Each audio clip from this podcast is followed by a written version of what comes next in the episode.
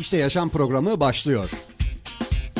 Konusunda uzman, sempatik, esprili anlatımıyla Mehmet Kavafoğlu sizlerle. İşte Yaşam programı ile karşınızdayız. 91.8 Radyo Radar'dasınız. İş sağlığı ve güvenliği uzmanı Mehmet Kavafoğlu bizimle. Hocam hoş geldiniz. Teşekkür ederim, hoş bulduk. Nasılsınız? İyi işte, koşturmacaya devam. Bir yaramazlığımız yok. Sizler de iyisiniz inşallah. İyiyiz çok şükür. Ne yapıyoruz bugün? Ee, geçen hafta birinci maddeyi konuştuk. Bu hafta ikinci ve üçüncü maddeyi konuşalım diyorum. Siz diyorsunuz. Peki konuşalım. Ben de hazırlıkları yaptım zaten. Bütün güzel maddeleri çıkarttım. Çünkü okumak gerekiyor biliyorsunuz. Evet ben de hemen e, o zaman duyurumu yapayım. E, Radar Kayseri ve İşte Radar hesaplarımızdan e, ulaşabilirsiniz bize. Mesajlarınızı ve sorularınızı gönderebilirsiniz. E, Şimdi Hemen şimdi bakıyorum. şöyle mi? Ee, radar Kayseri, işte radar. evet oradan Kayse- e, canlı Kayseri radardan canlı bağlantı da oluyor yani. Bizi görüntülü de izleyebilecekler yani. Evet. Eyvah eyvah çok Evet, kötü. evet. Şöyle bir kendime çeki düzen vereyim o zaman. Merhaba arkadaşlar. Evet, ee, buyurun. E, 0352 336 25 98 e, WhatsApp hat- hattımızdan da e, bize sorularınızı mesaj olarak iletebilirsiniz. Peki, ee, mesajlarınızı, sorularınızı bekliyoruz. 6331 sayılı iş sağlığı güvenliğinin birinci maddesinde ne bu konuşmuştuk? Bu madde ne amaçlıyor? Bu madde ne amaçlıyordu? İş yerlerindeki sağlıklı çalışmayı hedefliyordu. Düzenli çalışmayı hedefliyordu. Çalışanları korumayı, işvereni korumayı hedefliyordu. Madde 2 ne diyor? Madde 2'de diyor ki hangi iş yerleri? Yani bu yasa 6331 sayılı yasa bütün iş yerlerinde mi geçerli? Yoksa muaf olan iş yerleri var mı? Fikriniz var mı? Evet, tabii ki 50 kişinin altında olanları Evet. çok da etkilemiyor diye biliyorum ama ben. Peki başka? Ee, mesela işte iş yeri hekimi Başka?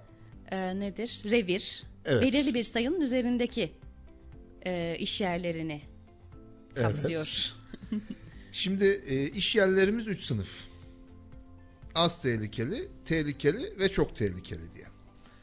Şimdi az tehlikeli iş yerleri için dediğiniz o 50 sayısı geçerli. Eğer iş yeriniz az, az tehlikeli ise e, ve e, 50 kişinin altında çalışanınız var ise iş sağlığı güvenliği yasası kapsamında değilsiniz diye bir cümle kullanmak istemiyorum. Kapsamındasınız ama iş yeri hekimi ve iş güvenliği uzmanı bulundurmak zorunda değilsiniz.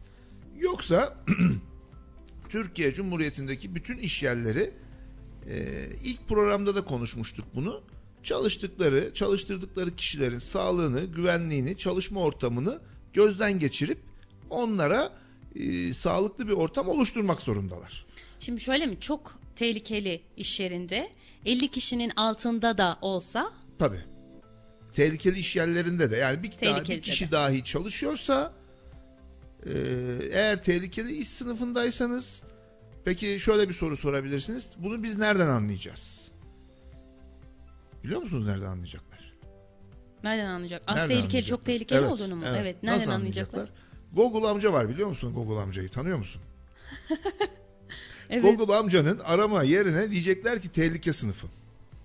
Tehlike sınıfı yazdıkları zaman onlara bir e, Çalışma Bakanlığı'nın e, hatta sigortanın SGK e, Çalışma Çalışma Bakanlığı'nın e, iş yerlerinin e, nasıl diyeyim onu bir listesi gelecek. Bu listenin başında bir faaliyet kodu yazıyor. Bu faaliyet kodu her işletmenin vergi levhasında da yazıyor. 1, 2, 3. satırda herhalde vergi levhasında 3. bölümdü. E, Faaliyet kodu, NACE kodu diye geçer. Orada 2, 4, 6 haneli bir kod var. O kodu eğer o listeden karşılaştırırlarsa yaptıkları iş kolu. Mesela işte e, fırın, mesela terzi, mesela işte metal üretimi, mesela kimyasal üretimi, mesela benzin istasyonu, akaryakıt istasyonu, işte mesela işte dökümhane, mesela gibi her kodun karşılığında az tehlikeli, çok tehlikeli veya tehlikeli olduklarını oradan kendileri görebilirler. Yani Google amca çok faydalı bir arkadaş. Her iş sınıfının Tabii. Kodu Mesela var. e, yine sizden örnek verelim. E, aşağıdan bir e, vergi levhasına bakıyorsunuz. Vergi levhasının üzerinde faaliyet kodu diye bir e, kısım var. Onun karşısında da bir numara var. Ve açıklama var. O numarayı Google amcadan bulduğunuz tehlike sınıfı listesinden e, karşılaştırıyorsunuz. Orada sizin az tehlikeli mi, çok tehlikeli mi, tehlikeli mi olduğunuzu anlatıyor, gösteriyor. Ona göre de e, hangi nasıl bir işletmede mesela biz buna çok karşılaşıyoruz. Ya ben az tehlikeliyim, hiç tehlikeli bir iş yapmıyorum ki diyor. Mesela boya satıyorlar ama çok tehlikeliler. Sadece boya sattıkları için. Ya diyor ki ya işte ben sadece boya satıyorum.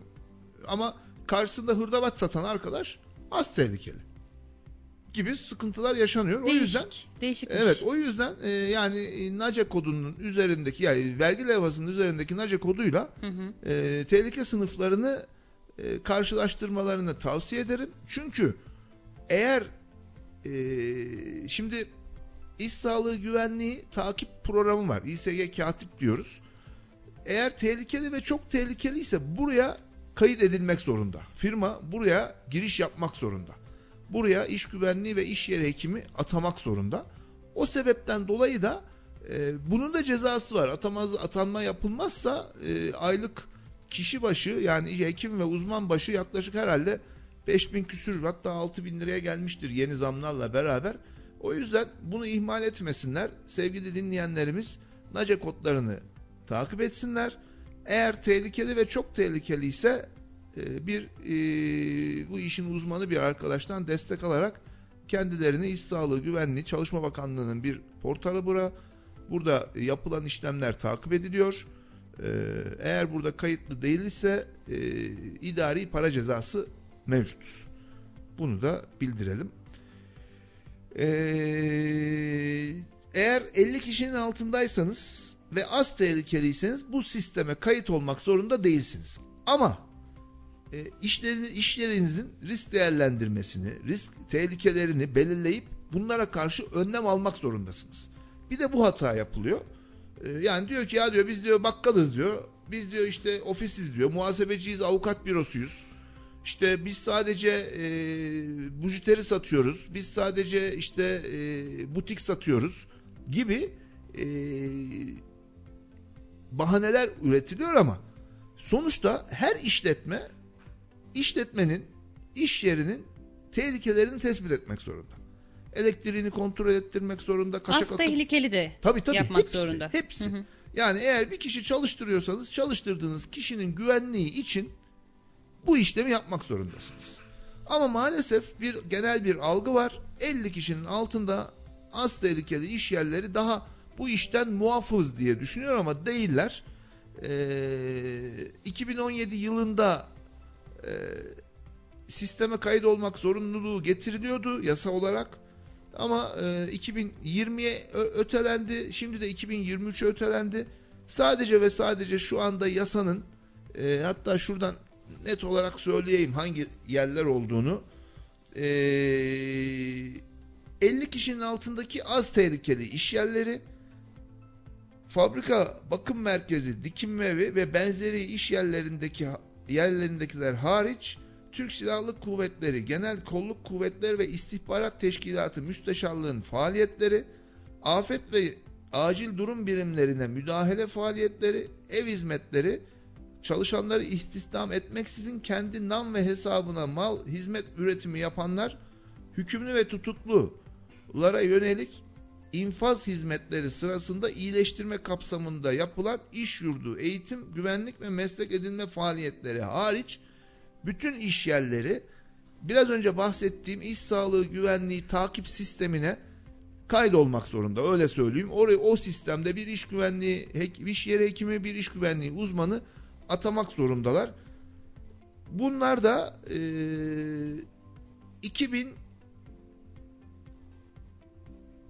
2023 yılına kadar ötelendi. 50 kişinin altındaki iş yerleri. Bunlar iş kazasına uğrarsa ne yapacaklar? Ha şimdi e, şöyle burada zaten bu saydığımız yerler muaf olan yerler. Yani yasa bu yani devletin kuruluşları bunları. Yani e, ne diyor? Afet ve acil durum birimleri. Zaten bunlar çok e, ekstrem durumlarda çalışıyor.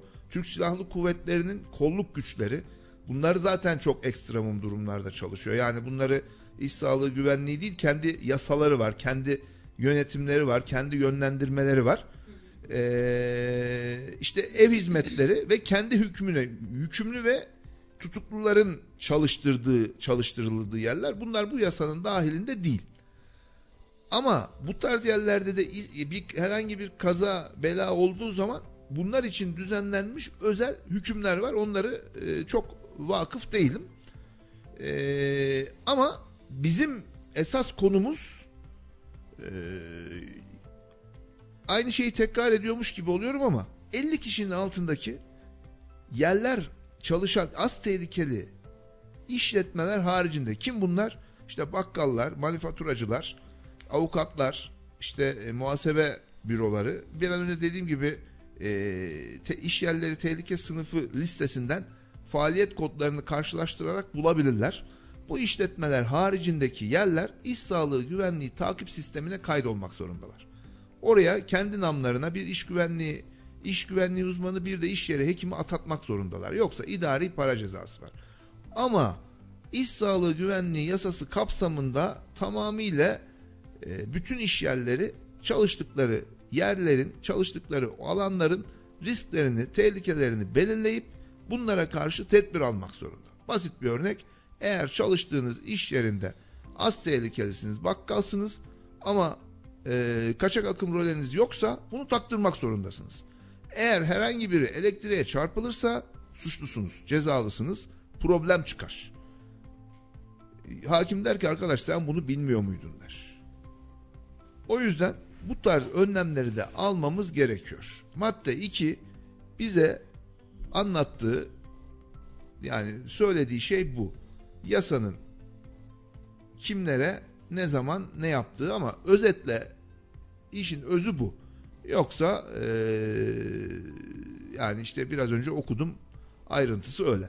Madde 3'te de tanımlar yapmış. Tanım oluşturmuş. İşte tehlike nedir? İşte iş kazası nedir? Kaza nedir? Bakanlık kimdir? Çalışan kimdir? İşveren kimdir? Yasa e, madde 3'te işte kurul nedir? Bu tarz e, yasada geçen e, zaten bütün e, çıkan yasalarda, yönetmeliklerde şeyler vardır. Yönetmeliklerde değil de yasalarda e, tanımlar vardır. Yani e, orada bahsedilen kurul neyden neyi ifade ediyor mesela? Kurul dediğimiz şey 50 kişinin üzerinde tehlikeli ve çok tehlikeli iş yerlerinde az, az tehlikeli, tehlikeli ve çok tehlikeli iş yerlerinde e, yapılan toplantı, iş sağlığı güvenliği toplantısına kurul deniliyor mesela. Mesela evet, O zaman siz bana sormadan ben hemen size sorayım tehlike nedir? Evet.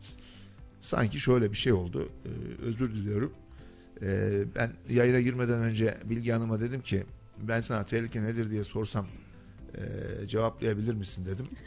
Ee, o da dedi ki abi o soruyu ben sana sorayım ne olur dedi. Ben de tamam dedim. Ee, ben de şuradan okuyayım o zaman Ee, Bilgi Hanım. Tehlike nedir? İş yerinde var olan ya da dışarıya gelebilecek, dışarıdan gelebilecek çalışanı veya işvereni, iş yerini etkileyebilecek zarar veya hasar verme potansiyelidir. Evet ne anladınız Bilgi Hanım? Evet soruyu değiştirdik. Şöyle ki öngöremediğimiz, bize zarar verecek Evet. her şeye tehlike denir. Evet biz de öngöremiyoruz. Bize Tabii zarar ki. verebilecek. Mesela örnek verebilir misiniz? Mesela bir bardak çay. Evet bir bardak çay bu benim e, vazgeçilmez örneğim. Peki başka? Ee, su birikintisi olabilir, ayağımız evet kayabilir. ayak kayabilir. Ee, Başka? başka ne olabilir? Mesela caddede yürüyorsunuz. Kafanıza saksı düşebilir mi? Düşebilir. Düşebilir. Bu da bir tehlikelidir. Nasıl önlem almanız lazım? Nasıl önlem alıyoruz? Biz Anadolulular olarak zaten çok kaldırımdan yürümediğimiz için Sıkıntı yok. sıkıntı yok Mesela aynen. bir bardak çaya nasıl önlem alıyorsunuz, tedbir alıyorsunuz? Bir bardak çay size nasıl zarar verebilir?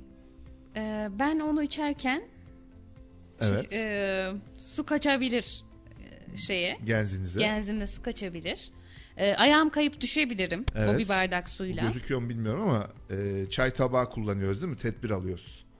Diyoruz ki e, arkadaş diyoruz o çayı getirirken elimizle dökmeyelim, dökebiliriz, taşımayalım altına çay tabağı koyuyoruz. Eğer e, daha güvenli olsun istiyorsak tepsiyle götürüyoruz. Aslında bütün bunlar kendi içimizde yaptığımız tedbirler. Ee, önlemler, tehlikeye tehlikeyi bertaraf etmek için yaptığımız önlemler. Trafik kuralları var mesela. Trafik tehlikesini bertaraf etmek için koyulmuş önlemler. Öyle mi? İş yerinde çalışırken işte merdivenlere mesela bizim yine e, Kayseri Radar e,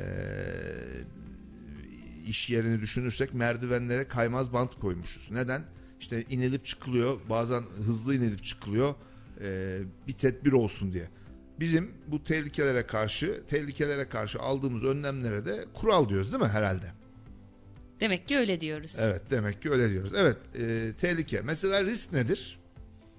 Bu Risk soruya hiç çalışmadınız değil mi? hiç çalışmadım. Ee, Hadi. risk mi öngöremediğimiz Risk. olaylar? Nasıl olabilir? Mesela risk. Ne riski var mesela? Kalp krizi riski var mesela. Tabii Niye tedbir var? alamıyorsanız her şey risk. Evet. Tedbir almıyorsanız risk. Mesela arabaya bindiniz. Bir örnek. Hemen 5 metre sonra durup arkadaşı alacaksınız. Emniyet kemerinizi takar mısınız? Hayır takmam. Takmazsınız. O zaman sizin Ya daha kısa sürede olduğu Evet, için takmam sizin- ve çok hız sizin- yapmayacağım için. Evet siz hız yapmayacaksınız ama arkanızdan bir araç geliyor ve size çarpıyor. Cama kafanızı vurma ihtimaliniz nedir? Çok yüksektir. Yüksektir. Peki emniyet kemerinizi takmış olsaydınız Hiçbir şey olmazdı. aslında tehlike araç kullanmak. Tedbir araç kullanırken emniyet kemeri takmak. Ama biz emniyet kemerini takmayarak kafamızı cama vurup kalıcı bir zarar görme riskimizi çok yükseltiyoruz. Çok mu karışık oldu? Hayır. Yani ben anladım. Peki o zaman. Aslında eee, durum bu. Yani biz bunları konuşmuştuk. Hatta mesela Sivas Caddesi'nde eee, kulakları çınlasın annemin e, çiçekleri var balkonun hemen kenarında. Yaklaşık 40 yıldır belki 45 yıldır orada dururlar. Eskiden Sivas Caddesi'nin hemen apartmanımızın dibi bahçeydi. Sıkıntı yoktu ama yaklaşık bir 10-15 senedir tramvaydan sonra hemen evimizin altı kaldırım oldu ve yüzlerce insan geçiyor. Anneme diyorum ki anne şu çiçeklere bir çözüm şu çiçekleri içeri alsan oğlum 40 yıldır burada duruyor diyor mesela. Düşebilir mi? Evet mesela bugün rüzgarlı hava bence e, bu tarz e, sıkıntıları içeri almak lazım. Tabii Çiçekleri, tabii çatılar. saksıları, Çatılar e, bile buradan- çöküyor. Evet çatılar uçuyor. Aynı zamanda e, bütün e, bizi dinleyen arkadaşlara, dinleyicilerimize de öyle bir uyarıda yapalım. Pencerenin önündeki çiçekler, balkondaki uçabilecek malzemeler, e, bu tarz e, önlemleri alıp e, odanın içerisine, balkonun dibine veya sabitlemek gerekiyorsa eğer mesela ben plastik sandalyelerin uçtu- uçtuğunu biliyorum balkondan e, rüzgardan plastik sandalye uçup ve bizim arkadaşım birinin arabasının üstüne düşmüştü. Dedi ki ya ne düştü ne düştü sonra bulduk plastik sandalye düşmüş rüzgardan. Bunlar uçabiliyor, e, başkalarına zarar verebiliyor. Onlar için e, bugün yarın rüzgar var. E, Çalışan şey bütün dinleyenlerimize de rüzgardan dolayı önlem almak adına balkondaki uçabilecek malzemeleri uçabilme ihtimali olan malzemeleri içeri alalım en azından bugünlük. Böyle de bir uyarı yapmış olalım. Bu tarz sıkıntıları için önlemler, tedbirler alınması gerekiyor. Mesela tehlike dedik. Başka ne var? E, risk dedik. Başka ne var? Meslek hastalığı var. Kaza var. E, başka ne var? Konsey var mesela. Ulusal İş Sağlığı ve Güvenliği Konseyi'ni belli, edermiş. Ortak Sağlık Güvenlik Birimi var. Bu işleri takibini yapmak için bakanlıkça yetkilendirilen e, firmalara hizmet veren e, şeyleri bahsediyor. E, firmalardan bahsediyor. Yani siz aslında iş sağlığı güvenliği hizmetini e, maddesi geldiği zaman konuşacağız belki ama e, herhangi bir şirketten satın alamıyorsunuz. Bu iş için kurulmuş ortak sağlık güvenlik birimlerinden satın alıyorsunuz. Önleme mesela önleme ne demek sizce Bilgi Hanım? Ee, riski ya da tehlikeyi önleme değil mi? İş yerinde yürütülen işlerin bütün safhalarında iş sağlığı güvenliği ile ilgili riskleri ortadan kaldırmak veya azaltılmak için planlanan ve alınan tedbirlerin tüm. Yani bir tehlikeyi görüyoruz. Bunun önüne geçebilmek için, önleyebilmek için yaptığımız bütün planlı işlere de önleme diyor yasa. Bir reklam arası verelim sonra devam edelim olur mu? Valla e, reklam dediğimiz şey bizim paramız, pulumuz. E, Tamam, reklama gidelim o reklama zaman. gidelim. 91.8 işte radardasınız. Reklamların ardından devam ediyoruz. Ee, üçüncü maddeyi görüştük. Şimdi bir takipçimizden soru gelmiş. Ben onu size ileteyim. Ee, Dinliyorum. Hemen okuyorum. Sorular zordur. İnşallah cevap verebilirim. Bilemedim ki. İşçi sağlığı ve iş güvenliği konusunda devletin görevleri nelerdir? Ee, devlet bu görevleri hakkıyla devletin bu görevleri hakkıyla yaptığına inanıyor musunuz? Valla hep zor sorular soruyorlar. Şimdi nasıl ben o yoruma gireyim? Devletimiz eee, elbette görevini hakkıyla yapıyordur, yapıyordur ama eee, uygulama olarak birazcık eksikleri olduğunu düşünüyorum. Şimdi devletimiz iş sağlığı güvenliği yasası kendimi kötü hissettim ya. Neyse hemen eee, şey yapıyorum. İş sağlığı güvenliği yasasının üç tane bacağı var. Bir işveren, bir çalışan, iki işveren, üç devlet. Devlet işverene diyor ki ey işveren sen bu ar- çalıştırdığın işçiye, çalıştırdığın çalışana, arkadaşlarına e, güvenli ortam sağlamak zorundasın diyor. Çalışana da diyor ki ey çalışan kurallara uymak zorundasın diyor. Kendisini de sorumlulukları bunları denetlemek. İşte yapılıyor mu, yapılmıyor mu, e, işte eksik mi var, gedik mi var denetlemek. Şimdi devletimiz e, bunu yaparken, bu denetleme işini yaparken yeteri kadar yapıyor mu? Ya bana sorarsanız yapmıyor. E, yapması lazım mı? Evet daha sık denetlemesi lazım. Daha sık denetlendiği zaman daha düzen geliyor. Ee, mesela bizleri de yani iş güvenliği uzmanların da ya arkadaş sen bu işletmede ne yaptın? Ne kadar yaptın? Niçin yapamadın diye sorması, soruşturması lazım. Ama maalesef e, yani bu noktada e, denetim noktasında eksik var.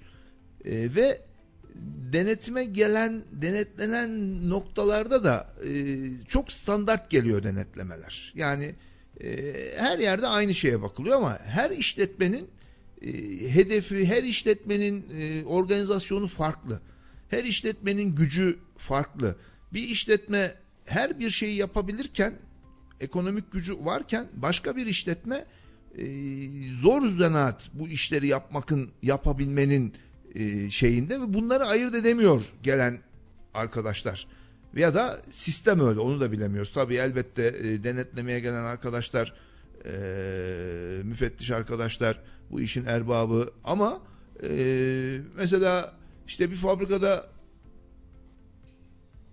A derken öbür fabrikada ya o A maalesef uymuyor. Tamam belki güvenlik e, tedbir alınması lazım ama e, bir A, e, A tedbirini başka fabrikada A olarak değil farklı bir yöntemden almamız gerekiyor ama e, onu da yapamıyor. Ama dönüp dolaşıp baktığımız zaman e, beyefendiye teşekkür ediyoruz. Beyefendi mi hanımefendi mi bilmiyorum Beyefendi. ama Umut e, Bey. beyefendiye Umut Bey'e teşekkür ediyoruz. Bunu devlet maalesef biraz eksik yapıyor ama e, bu bizim ülkemizde daha ya 10 sene olmadı yasa yürürlüğe gireli yavaş yavaş oturmaya başlayacak ama bunu oturtabilmek için de devletin e, denetimlerini devletin e, elini bizim üzerimizden çekmemesi lazım. E, yeri gelecek cezayla korkutacak, yeri gelecek yaptırımla korkutacak ama biz hep ya arkadaş bu devleti biz bu tedbirleri almalıyız ki e, güvenli çalışalım. Biz bu tedbirleri almalıyız ki verimli çalışalımı hep hissetmemiz lazım. Ama maalesef işte e, 10 senedir yaklaşık yani 13 7 8 senedir bu işi yapıyoruz. İşte e, yılda iki defa falan bir Kayseri'ye denetlemeye geliyorlar. Keşke 4 olsa, 6 olsa, 8 olsa.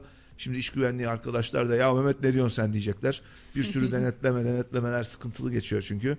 E, nasıl olacak diyecekler ama işin özü aslında bu. E, arkadaşa teşekkür ediyoruz. Var mı başka soru? Tabii ki var. Ee, Eyvah, bir eyvah. takipçimiz daha yazmış. Geçen gün 18 yaşında bir genç inşaattan düşerek vefat etti. Ne gibi bir yaptırımı olur? Allah rahmet eylesin öncelikle. Ya şimdi e, bu tarz yaptırımları bizim bilebilmemiz şey değil, e, çok mümkün değil ama şöyle bir şey var. Eğer e, e, işverenin neler yaptığına nasıl düştüğüne, çalışanın kurallara ne kadar uyduğuna bağlı bunlar. Ee, eğer işveren bütün önlemleri aldı ee, ama çalışan bu önlemleri göz ardı ederek düşüp vefat ettiyse farklı. İşveren hiçbir önlem almadı. İşte uygun iskele yok, e, korku korumalar yok, korkuluklar yok, emniyet kemeri yok, bunların eğitimleri yok. E, düşüp vefat ettiyse bu da bambaşka bir süreç. Şimdi şöyle oluyor. e, mahkemelerde e, hakim diyor ki ne yaptın? Yani burada e, eskiden birazcık daha işveren suçlanıyordu ama artık hakim diyor ki ya bu işletmede bir önlem var mı?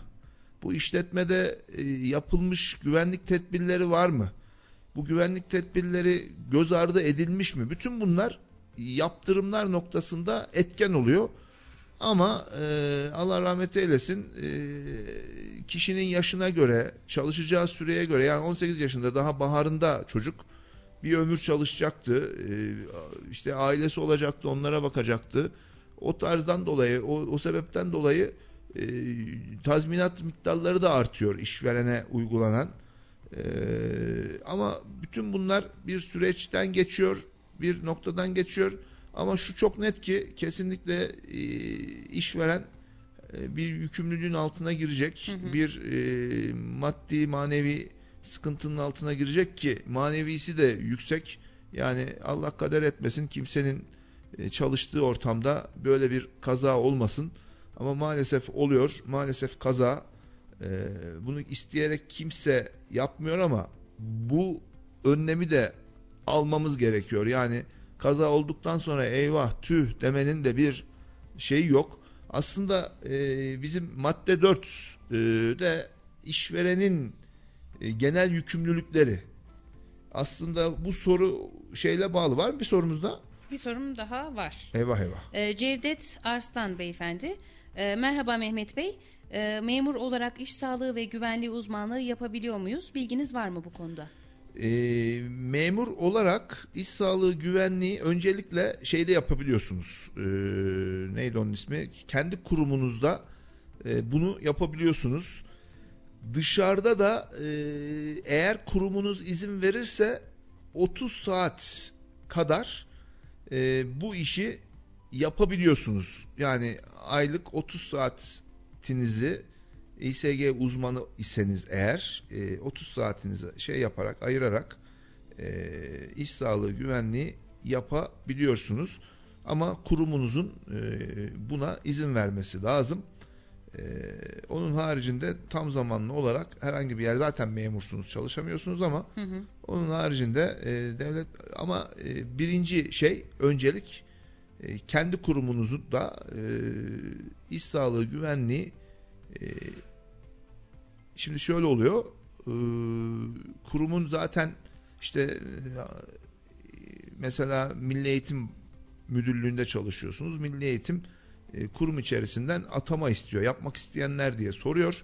Siz göre şeyli oluyorsunuz. E, ben yaparım bunu diyorsunuz. Onun da bir ödeneği falan da var diye biliyorum. Bir miktarda fazla ücret alıyorsunuz. E, Milli Eğitim Müdürlüğü'nün Milli Eğitim Müdürlüğü'nün şey yaptığı ne derler ona görevlendirdiği bölgede iş sağlığı güvenliği yapabiliyorsunuz. Ama onun haricinde yine dediğim gibi dışarıda 30 saatler sınırlı diyebiliyorum. Bu konuda da çok net değilim. Hekimler yapabiliyor ama uzmanlar yapabiliyor mu? Ee, orada bir bakmak lazım ama büyük ihtimalle yapabiliyor diye biliyorum. Var mı başka sorumuz? Sorularımız hızlı bir şekilde devam Geliyor. ediyor. Eyvah eyvah. Ee, yine Umut Bey Size, o da size teşekkür ediyor. İş sağlığı ve iş güvenliği uzmanları gerçekten işçilerin sağlığını ve güvenliğini düşünüyor mu?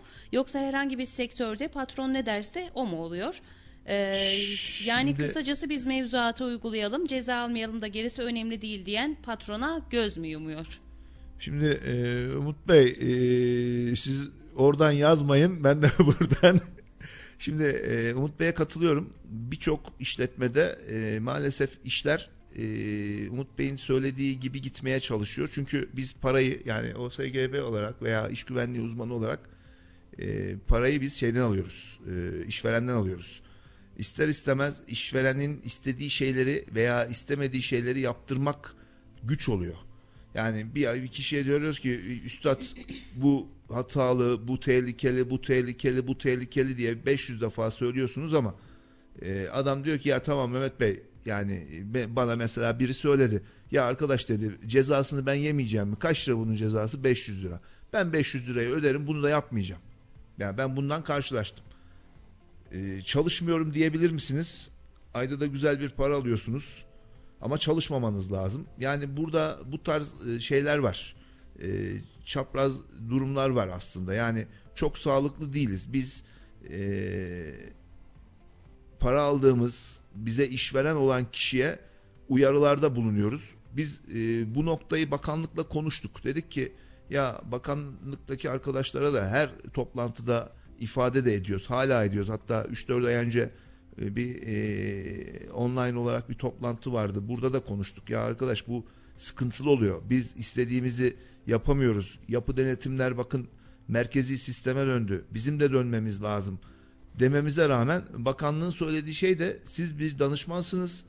Bunu söylersiniz. Yapıp yapmamak tamamıyla işverenin uktesinde gibi yaklaşıyorlar. Siz diyorlar defterinize yazın, notlarınızı tutun, önlemlerinizi aldırabildiğiniz kadar aldırın. Siz bir danışmansınız. Bu konunun danışmanısınız. Bir denetmen, bir e, işte yönlendirici değilsiniz diyorlar. Yani bu birazcık e, Umut Bey'in e, sıkıntısı doğru yerde. E, iki arada bir derede kalıyor muyuz? Evet kalıyoruz. Yani işveren e, ben bunu yapmayacağım dedikten sonra eğer çok böyle birinci dereceden ölümcül patlama riski şu bu yoksa bakanlığa da şikayet edemiyoruz. İşi de durduramıyoruz. Aslında yetkimiz var. işi durdurma yetkimiz var ama e, yani şey değil böyle o, o çok zor bir soru. O sorunun cevabı e, Umut Bey'e teşekkür etmek herhalde. Başka var mı sorumuz? Yok. Peki o zaman madde 4. Aslında e, Cevdet Bey'in değil de ondan önceki arkadaşın sorduğu soru işte düşen bir arkadaş vardı. Bunun yükümlülüğü nedir noktasında e, işverenin genel yükümlülükleri madde 4. İşveren çalışanlarla çalışanların işle ilgili sağlık ve güvenliğini sağlamakla yükümlü olup bu çerçevede yani ne? İşveren çalışanların sağlık ve güvenliğini sağlamakla yükümlü. Mesleki risklerin önlenmesi, eğitim ve bilgi verilmesi dahil her türlü tedbirlerin alınması, organizasyonun yapılması, gerekli araç ve gereçlerin sağlanması, sağlık ve güvenlik tedbirlerinin değişen şartlara uygun hale getirilmesi ve mevcut durumunun iyileştirilmesi için çalışmalar yapar. Ne anladık? Birazdan sohbet edelim. B. iş yerinde alınan iş sağlığı güvenliği tedbirlerine uyulup uyulmadığını izler. Bakın burada çok önemli. İş yerinde alınan sağlığı, iş sağlığı ve güvenliği tedbirlerine uyulup uyulmadığını izler. Denetler ve uygunsuzlukların giderilmesini sağlar. C. Risk değerlendirmesini yapar veya yaptırır. Ç. Çalışana görev verirken çalışanın sağlık ve güvenlik yönünden işe uygunluğunu göz önüne alır. D. Yeterli bilgi ve talimat verilen dışındaki çalışanların hayati ve özel tehlikeleri bulunan yerlere girmemesi için gerekli tedbirler alır. Mesela burada elektrik odasına elektrikçiden başka kimseyi sokmaz. 2. İş yeri dışında uzman kişi ve kuruluşlardan hizmet alınması işverenin sorumluluklarını ortadan kaldırmaz. Bakın bu da çok önemli. İş yeri dışındaki uzman kişi ve kuruluşlardan hizmet alınması işverenin sorumluluklarını ortadan kaldırmaz. 3. Çalışanların iş sağlığı ve güvenliği alanındaki yükümlülükleri işverenin sorumluluklarını etkilemez. 4. İşveren iş sağlığı ve güvenliği tedbirlerinin maliyetini çalışanlara yansıtmaz. Burada ne diyor? Ey işveren diyor. Ey işveren diyor. Mesela o ikinci sorudaki e, düşen arkadaşın sorumluluğu tamamıyla işverende. Eğer işveren bir iş güvenliği uzmanı tutmuşsa, ey arkadaş sen bunu kesinlikle bizim bütün önlemlerini al demesine rağmen eğer kendisi bunu takip etmemişse ve bu takibi belgelendiremiyorsa işveren birinci dereceden sorumlu. Peki belgelendirilirse ne olur? Belgelendirdiği zaman yani ben bunu takip ettim arkadaş dediği zaman iş birazcık daha rahatlar. Aynı zamanda mesela eee iş yerindeki uzman şey çalışanların iş sağlığı güvenliği alanındaki yükümlülükleri hani biraz önce dedim ya düşen arkadaş kurallara uymuş mu durmuş mu korkuluk yapılmış mı İşveren Bunlar- yeterli önlemi almış mı? ya yeterli önlemi almış mı bunların bir önemi yok. Bunların önemi şu işveren yeterli önlemi alacak ve o kişinin oradan düşmesini engelleyecek. Bunun için çaba sarf edecek. O zaman şöyle bir noktaya geliyoruz. Çalışmalardaki sıkıntı şu oluyor. İşveren diyor ki arkadaş diyor biz bunu mu yapacağız? Üretim mi yapacağız diyor. Biz diyor öyle çalıyor. Bir de bunu çalışan da söylüyor. Abi diyor ben o kıyafetten çalışamam diyor. Mesela bir dökümhanemiz var bizim. Ee, dökümhaneye yanmaz elbise yaptırdık. Abi diyor ben bu elbiseyle çalışamam ki diyor. Adam ayakkabı aldık. Ben bu ayakkabıyla çalışamam ki diyor. Ve ayakkabıyı giymiyor. Elbiseyi giymiyor. Bu noktada işverenin yapması gerekenler var. İşveren o zaman dönüyor diyor ki ya kimi çalıştıracağım diyor. Benim 10 yıllık elemanım bu diyor. Her şeyi biliyor diyor. Ben bunun yerine kimi koyabileceğim ki diyor. Yani bizim işimiz emin olun çok zor.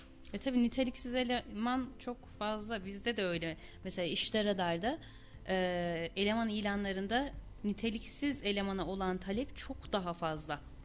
Ama Evet. bir yerde işte e, vasıflı bir eleman arıyorsunuz. işi bilen, işten anlayan, tecrübeli bir eleman arıyorsunuz. Bunu bulmak çok zor. Çok zor maalesef. O yüzden işveren diyor ki ya diyor bu adam bunu giymiyor işten de çıkaramam diyor. Nasıl çıkaracağım diyor. Yani böyle iki arada bir derede kalıyoruz. Umut Bey'in sorduğu nokta. İşte yapabilecek miyiz, yapamayacak mıyız? Veya müdahale edebilecek miyiz, edemeyecek miyiz? İşte e, işveren söyledi de biz işveren ayıp olmasın diye ya abi göz yumacak mıyız, yummayacak mıyız? Yani bana kalıyorsanız o elemanı çıkartmanız lazım. Ya o elbiseyi giyecek kendisini korumak için ya da diyeceksiniz ki işveren olarak arkadaş ben bu elbiseyi giymediğin için seninle çalışamam. İkisi için de risk. Çalışan o riski göze alır da arkadaş ben buradan çıkıyorum der mi? Beni gönder o zaman abi der mi? Veya dönüp dolaştığınız zaman tazminatını almak isteyen çalışan iş güvenliği kurallarına uymadığı için ama iş güvenliği kurallarına uymadığı için işten çıkarılmak tazminat ödetmez. Böyle de bir avantaj bırakmış yasa. Demiş ki onu konuşmuştuk. Evet. Ey çalışan eğer sen bu kurallara uymuyorsan Ve işten işveren seni çıkarıyorsa işveren tazminat ödemez diye bir maddemiz de var. Ama bütün bunları uygulamaya geçirdiğimiz zaman emin olun sıkıntılı, emin olun problemli. Ee, o yüzden işverenin işi aslında çok zor. Aslında çok kolay. İşveren bir kere iş yerindeki bütün tehlikelerini belirleyecek. Ama bir sefer belirlemekle de yetmiyor. Diyor ki geçen zaman içerisinde diyor zamana uygun hale getirecek diyor. Bunları nasıl yapacak? Bütün bunlar aslında koskocaman bir konu. Ve bizim işletmelerimizde hiçbiri yapılmıyor maalesef. Mesela işveren aslında her ay her 15'te bir iş güvenliği toplantıları yapmak zorunda. Bunları kayıt altına almak zorunda. İş yerinde iş güvenliği uzmanıyla beraber gezmek zorunda. Gezerken tehlikeleri görmek zorunda. Çalışan adamın çift el kumandayla mı, ayak e, pedalıyla mı çalıştığını görmek zorunda. Yapma demek zorunda. Yaparken e, niye bunu yapıyorsun arkadaş demek zorunda. Ama maalesef e, bizim şu anki pozisyonda işverenlerimiz de ya ne olacak ki diyor. Ya bir şey olmaz diyor. Bizim kendi yapımızda var aslında bu bir şey olmaz şeyi ne derler ona e, fikri. Ya ne olacak ki diyor. Mesela bugün bir örnek vereyim. Firmanın birinde e, bir arkadaşımız bize işe yeni başladı. İşe rast gelsin. E, acil çıkış levhasının önünde e, şey duruyormuş. Basit bir iş yani acil acil durum levhasının önünde bir malzeme varmış. Bunu kaldıralım bura görünsün diyor. İşveren ne diyor? Ya diyor onu görsek ne olur görmesek ne olur. Zaten bir kazada belada direkt dışarı çıkacağız diyor. Şimdi bunun önüne geçebilmek için bizim ısrarcı olmamız lazım. Peki biz ısrarcı olabiliyoruz mu? Olamıyoruz. Aslında işverenin bu noktalarda duyarlı olması lazım. Çünkü biraz önce okudum. Yani bütün sorumluluk, bütün yükümlülük işverende. Adam ne diyor? Bakın yazmış. Çalışanların iş sağlığı, güvenliği alanındaki yükümlülükleri işverenin sorumluluklarını etkilemez. Yasa çok net. Diyor ki arkadaş diyor eğer o adam bu yükümlülükleri yerine getirmiyorsa getirmiyor diye sen savunma yapamazsın diyor. Peki ne yapmak lazım? İşte o adamdan çalışmamak lazım. Veya kesin kurallar koymak lazım. Çalışan adam çalışmalı, çalışmayan adam çalışmamalı. Biz bunu topyekün yapabilirsek bu işte adım atabiliriz. Ama topyekün yapamazsak işte çok büyük ihtimalle orada düşen arkadaşın işvereni yani arkadaşın e, Allah rahmet eylesin yani çok ucuzdu ben de çok üzüldüm. Ee, ama işveren bir dünya e, tazminat ödeyecek. Ama giden canın yerine gelir mi? Gelmez. Ee, yani bunun bir karşılığı yok. Bunun bir adı yok. Bunun bir e, tanımlaması yok yani. Kaç lira ödeyecek? Yani 5 ev ödedi, 6 ev ödedi. Giden can 18 yaşında çocuk yani. Daha belki bir dünya umutları vardı. Bir dünya e, hayalleri vardı. Bir evi olacaktı, çocukları olacaktı. Belki olan çocukları bu ülkenin kurtarıcısı olacaklardı. Ne olacak ki? Demeyeceğiz. Evet. Önlem alacağız, tedbir alacağız. Evet. Bir sorumuz daha var. Eyvah eyvah. Ee, Gassallarda e, pandemide çok zor şartlarda çalıştılar ama iş grubunda bile e, Gassal adı geçmiyor ve gerçekten başta psikoloji olarak çok zor bir meslek. Ne yapılmasını önerirsiniz? Rahime Hanım sormuş, bize Rahime de Hanım, kızmış. e, Gördükçe cevaplıyoruz. Arkadaşlarımız ilettikçe iletiyoruz sorularınızı. Ee, Rahime Hanım, e, biz şeyin pandeminin başladığı zamanlarda o konuyla alakalı e, yo pandemiden önce görüşmüştük. E, sizin mesleğiniz zor bir meslek, e, sıkıntılı bir meslek. E, maalesef şeyde yok. Yani iş kolu olarak yok. E,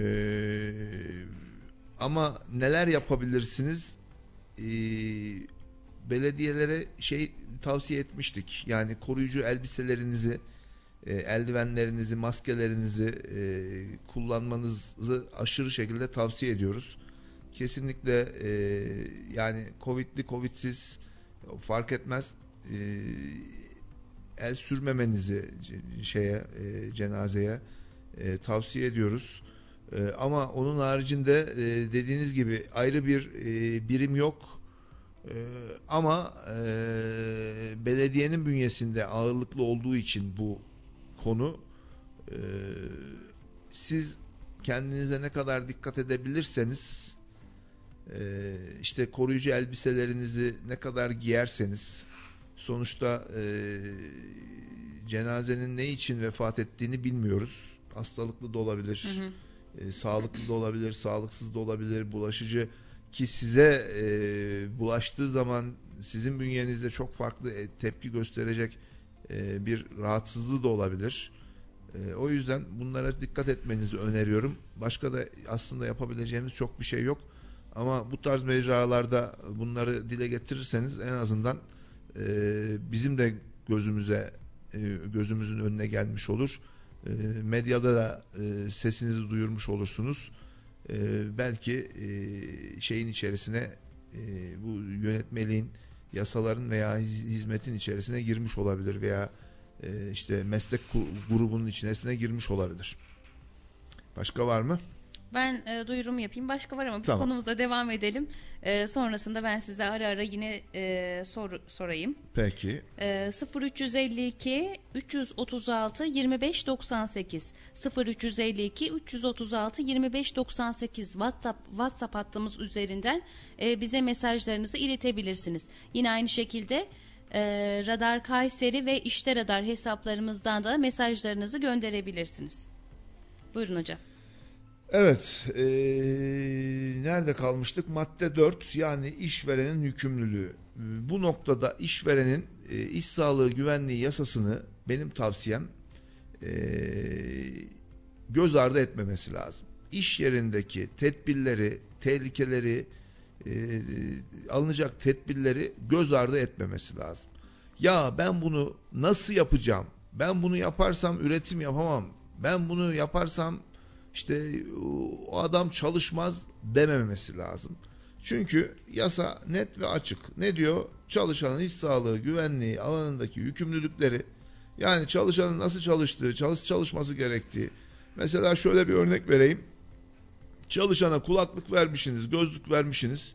Adam roketle malzeme kesiyor. Siz götürmüşsünüz adama zorla roketin şeyini vermişsiniz, e, gözlüğü vermişsiniz. Ama arkadaş gözlük takmamış. Adamın gözüne çapak kaçmış ve gözü görmüyor. Burada sorumlu maalesef ki maalesef işveren. İşveren diyor ki arkadaş bunu denetleyeceksin. Bunu denetlediğini ben bileceğim. Aynı zamanda da bunu taktıracaksın. Eğer bu adam takmıyorsa da çalışmayacaksın diyor. Ve ben buradan onu anlıyorum. Sonra da diyor ki mesleki risklerin önlenmesi, eğitim ve bilgi verilmesi. Mesela biz diyoruz ki abi eğitim verelim. Eğitim yapalım. Ama bize sürekli söylediklerin bir adamları bir araya nasıl getireceğiz? Bunların hepsi bir yerde çalışıyor. Ben de bir soru sorayım. Tabii. Ee, bu eğitimlerin etkisi geri dönüşü nasıl? Ya eğitimler başlangıçta mesela ben yaklaşık işte e, 10 yıla yaklaştı bu işe başlayalı. 10 yıldır bu eğitim işindeyim. Eğer e, düzenli olarak eğitim veriyorsanız, düzenli olarak e, bu eğitimleri e, anlatıyorsanız ve kişilerin anlayacağı şekilde anlatmaya çalışıyorsanız, yani sadece mesela bazı arkadaşlarımız var, e, şey açıyor, e, projektörü açıyor, orada yazanları okuyor, bunu kimse dinlemiyor. Ama kişiye böyle anlayacağı şekilde bak arkadaş belini koru e, bunlar bak bunları yaparsan böyle olur bu gözüne kaçarsa şöyle yapman lazım diye ayrıntılı emek harcayarak bir eğitim harcı yapıyorsanız bunun geri dönüşümü önemli. Mesela ben birçok işletmemde maske takıyorlar artık.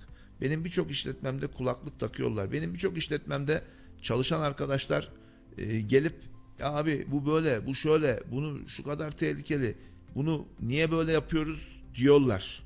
Ama e, maalesef eğitimler kısıtlı. Zaman ayıramıyoruz, zaman bulamıyoruz.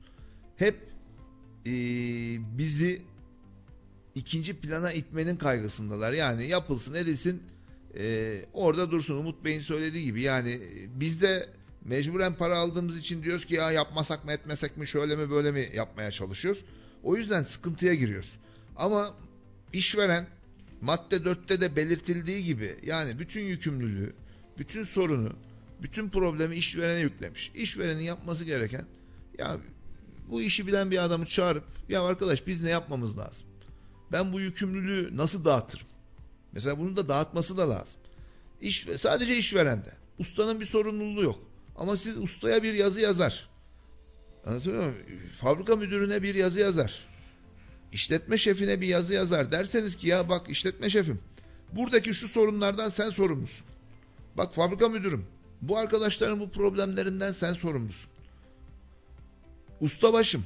Bu adamların bu sıkıntılarından sen sorumlusun deyip bu sorumluluğu dağıtıp geri dönüşlerde de çözüm üretirsen ürettir, üretebilirsen o zaman hem sorumluluğu dağıtmış oluyoruz hem de işletmede tedbir almış oluyoruz.